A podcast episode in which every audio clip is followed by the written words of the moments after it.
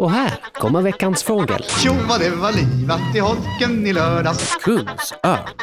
Då är det alltså dags för den andra örnen i eh, denna succépodd, Mm. Veckans fågel. Yes.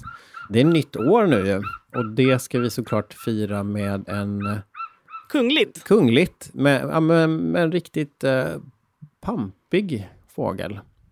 Det här tycker jag nog är, för min del, så det är nog den häftigaste fågeln som vi har i, i vår svenska fågelfauna.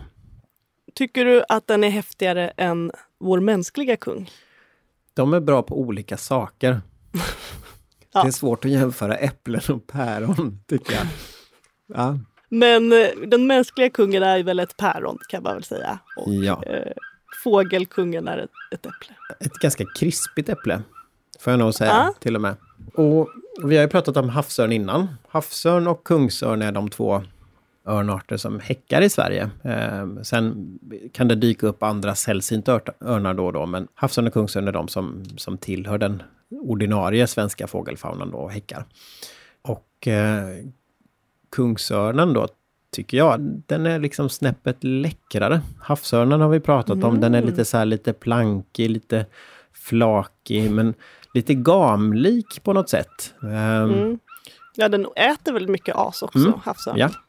Ehm, och det kan vi nog säga, det gör faktiskt kungsörnen också.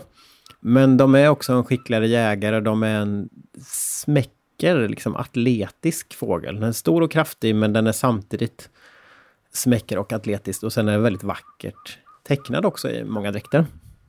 Den är inte riktigt lika stor som havsörnen, Eh, så det är vår näst största rovfågel, men de är ändå oftast över två meter i vingspann, så det är, det är en riktigt stor fågel. Och som unga så eh, känner man igen dem på att de har väldigt distinkta vita fält över och under vingen. Och sen har de en vit stjärt med ett brett, tydligt svart ändband.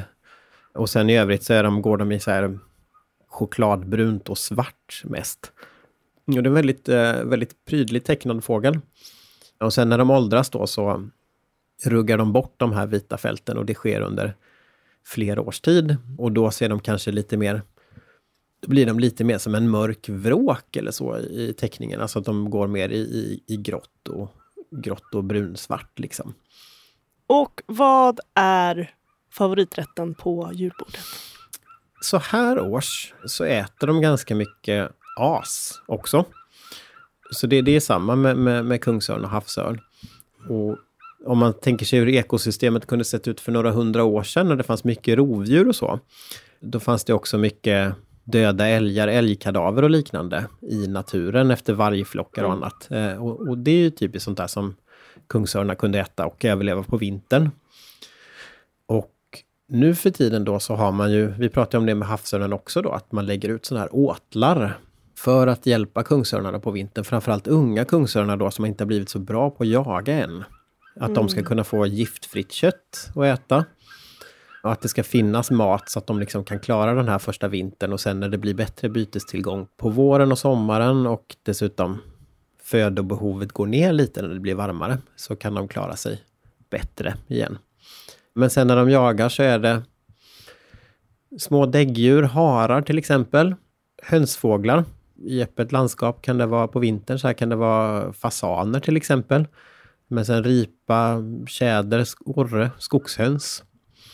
Men egentligen så här halvsmå eller halvstora bytesdjur, liksom däggdjur och fåglar, är det som gäller. Och de är skickliga jägare och de har lite olika taktik. Ibland så hänger de liksom i uppvindar och spanar efter någonting ätbart och att de är uppe på ganska hög höjd och, och, och tittar om det är någonting som de kan jaga. Eh, men sen kör de också så här låg överraskningsjakt, alltså lite som vi pratade om hökar innan. Kanske inte så in i skogen direkt, men att de tar liksom skydd bakom olika så här features i landskapet. Så att de hittar någon så Sneaky här sneaky anfall, attackväg då till vad de nu har Mm. spanat in sig på. Så att, ehm, ja, de är skickliga. Och sen är de kraftfulla också då, trots att de är mindre än havsörnen så kan de ta större byten. Så att de kan ju till exempel ta eh, rådjur och, och eh, Nej, är det sant? det kan de göra. Sen är det nog inte så att det är så himla vanligt, men de kan göra det. Har du sett det? Man ser ju örnar jaga ganska sällan. Jag har väl sett eh, kungsörn jaga ja, framförallt fasan och hare liksom, men det är väl det man ser mest Mm. nere hos oss. Men det går. Och sen kan du också ta renkalvar upp till en viss storlek. Men hur gör den då? De har väldigt kraftiga klor så att de kan ju punktera lungor och sånt där. Genom eh, ryggen eller bröstkorgen. Oh, gud alltså. Har du sett det på Youtube? Det finns mycket spektakulära klipp på Youtube med eh, olika örnjakter. Det får vi lägga upp Eh. på vår Instagram. Veckans understreck Mm. fagel. Ja. Följ inte om du är känslig. Exakt, det, det kan bli tufft. Men eh, fullstora rådjur, det tillhör absolut inte något eh, ordinarie bytesval, utan det ska nog vara en ganska extrem situation. Men de har det i sig. De har det i sig. Eh, och eh, renkalvar kan de ta upp till eh, viss storlek och sådär. Och det orsakar ju också vissa kontroverser. Kungsörnen tillhör de här fem stora rovdjuren där man pratar om då eh, förvaltning och förvaltningsplaner och liknande. Just utifrån att de här stora rovdjuren då Alltså Mm. att det, det uppstår intressekonflikter helt enkelt. Och det får man väl konstatera att det gör. Men kungsörnen är mycket en, en vildmarksfågel. Och runt om i världen så är det ofta en, så, en fågel som finns i, i lite, så här, lite orörda, mindre exploaterade miljöer som bergstrakter och liknande. Och sen, sen är det inte bara där de finns, men i Sverige är kungsörn vanligast då i, i de fjällnära skogarna. De flesta kungsörnarna i Sverige finns i, i Norrbottens och Västerbottens län, ganska nära fjällkedjan och inte nära kusten då, där det finns flest människor. Men sen finns det också till exempel i Skåne finns det ganska mycket kungsörn och Gotland är faktiskt har en av världens tätaste kungsörnspopulationer. Ja, vad mer för kul har du att berätta om kungsörnens liv och levne? Jo, nej men vi kan väl ta det här med varför vi tar den så här års till exempel. Ehm, Det var ju för att vi skulle börja året med pompa och ståt. ja, såklart, men, men Ja. vi, det måste ju också stämma någorlunda i, i tiden. Okej. Ehm, och där är det ju återigen det som vi pratade om havsörnen, att, att så här år så, så matar man örnar och det gör att det finns en, en viss chans att se örn, eller kungsörn så här år, så att de också finns spridda i större delar av landet när de inte häckar. Utan det fylls liksom på med kungsörn i södra Sverige norrifrån och de finns i flera olika miljöer. Så att de kommer lite närmare människor på något sätt. Men de är ändå ovanliga och svåra att se. Men man kan till exempel åka och spana efter dem vid Store Mosse eller vid Hornborgasjön eller så där det finns kungsörnsmatningar som är allmänt kända. Sen är det ofta så matningar där för kungsörn är ofta lite hemligare då för att det är lite problem med förföljelser av kungsörn faktiskt. Eh, fortfarande i Sverige och det är ofta så att det finns en Ogillar även jägare dem eller är det mest ren näringsidkare? Jag tror att det är svårt att säga vem som tycker vad. Jag tror inte att det, det är så här representativt att säga att varken renskötare eller jägare tycker bra eller illa om kungsörn. Eh, Men man kan väl säga så här att det finns en klassisk gammal konflikt mellan, mellan rovdjur och mänskliga intressen som bärs hos vissa individer. eller så. Eh, Och du vill inte klassificera dem mer än så? nej, det vill jag inte göra. Vi ska inte vara fördomspodden utan Nej, det nej, ska precis. vara veckans Precis. fågel. Exakt. Eh, men eh, man har kunnat se då att det, finns faktiskt av örnar som skickas in då. Om man hittar en död kungsörn så ska man skicka in den till, till eh, Riksmuseet då. Så, så är det en veterinärmedicinsk analys som görs då. Och där ser man ofta att det finns hagel i kungsörnar. Och det kan vara kungsörnar som har dött av andra anledningar då, men att de ofta har varit påskjutna och så kan man hitta så här gamla inkapslade hagel och så där. Så att, att eh, Svårt att lista ut vilka som har Ja, precis. Vem det beror på. Precis. Eh, men, men då får jag också säga så här, inte alla jägare. Eh, jag som är jägare har, känner inte någon som tycker illa om kungsörn av de Nej. jägare jag känner. Liksom.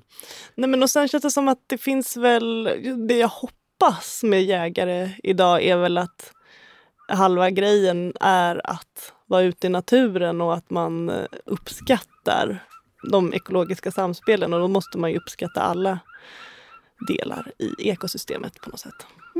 Ja, Kan jag tycka. ja, absolut. Mm. Det är min linje också. men det, vi pratade om det här då med, med, att man kan ha möjlighet att ta sig ut och titta på kungsörnar. Och det kanske är så att eh, många som lyssnar fortfarande är lediga, har några lediga dagar och, och, kan åka ut. Men det är ju inte helt självklart vart man ska åka för att se dem eller så. Men då finns det också tips.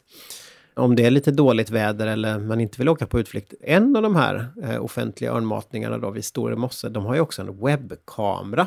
Ah, det låter bra för en latmask som mig. Ja, eh, och för mm. mig också. Alltså jag är inne på den ganska ofta och kollar. Eh, så kan mm. man liksom titta. Eh, det är Store mosse nationalpark. Och där har man utfodrat örnar.